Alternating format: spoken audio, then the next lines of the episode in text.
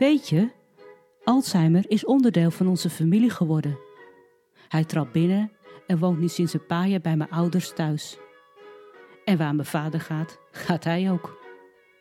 Wij moeten dus Alzheimer accepteren en integreren in ons leven. Tja, dit vinden we best wel lastig.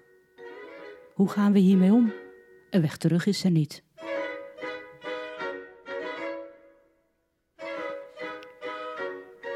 Dit is Alzheimer in de familie met Esther Zijlstra. Welkom en fijn dat je naar mijn podcast luistert. Hoi, welkom in deze aflevering en leuk dat je luistert. Ik ga het nu hebben over fietsen. De hobby van mijn vader en ja, sinds dat hij zijn autobedrijf heeft verkocht, mm, doet hij dat. De situatie die over dit onderwerp gaat, leid ik in met een beetje voorgeschiedenis. En later ga ik nog ja, wat gedachten delen. En aan het einde krijg je ook nog wat ja, tips en suggesties mee. Veel luisterplezier. Volgens mijn herinnering heeft mijn vader van zijn twintigste tot zijn zestigste heel weinig gefietst. Die parkeren, dan gaat het om, denk ik, op de fiets met het gezin naar mijn oma toe. Uh, misschien eens een keer een rondje om naar het strand, maar dat is echt heel, heel weinig geweest.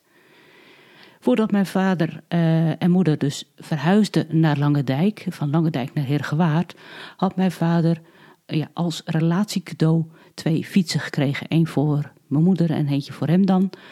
En die fiets werd zijn maatje. Een blauwe fiets, een beetje met telklak en ja, had best wel een aantal versnellingen.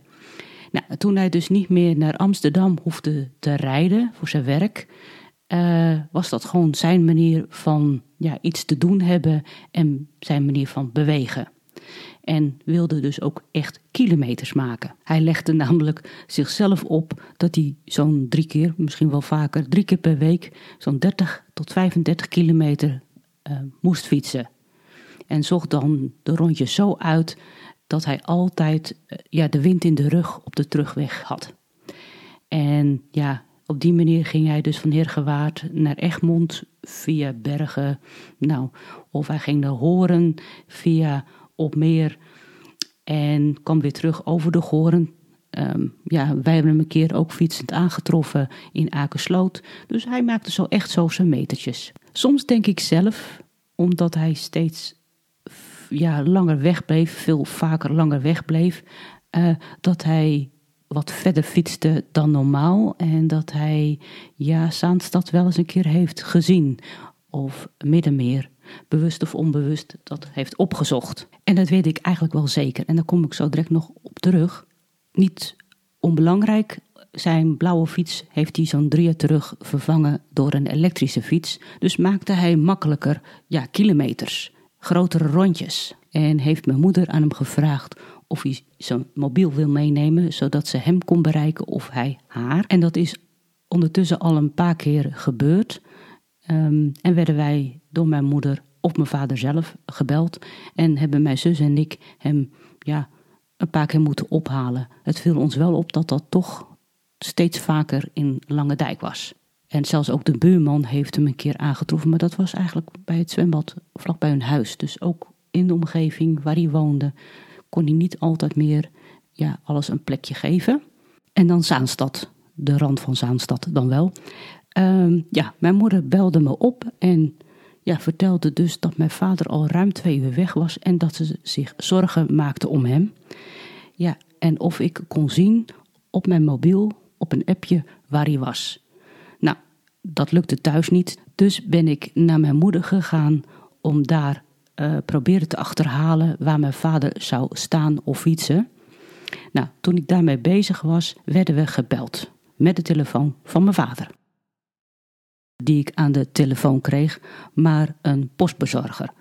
Deze man, deze aardige man, had mijn vader zien, uh, ja, zien zoeken, verward uh, in de straat zien kijken. En ja, werd dus een beetje alert. Gelukkig uh, heeft hij deze kans gegrepen en ook gekregen van mijn vader om ons te bellen. Nou ja, toen hij dus de straatnaam en plaats had doorgegeven, Oost-Beemster, ben ik daar naartoe gereden. En zo'n half uur later vond ik hem daaraan zittend op een bankje, want dat hadden we hem verzocht, dat hij daar moest blijven zitten. En ja, blij en op een of andere manier ook nog steeds verward. Dat zag ik. ik ehm, hij, hij had wel door dat ik het was, maar toch ook niet helemaal.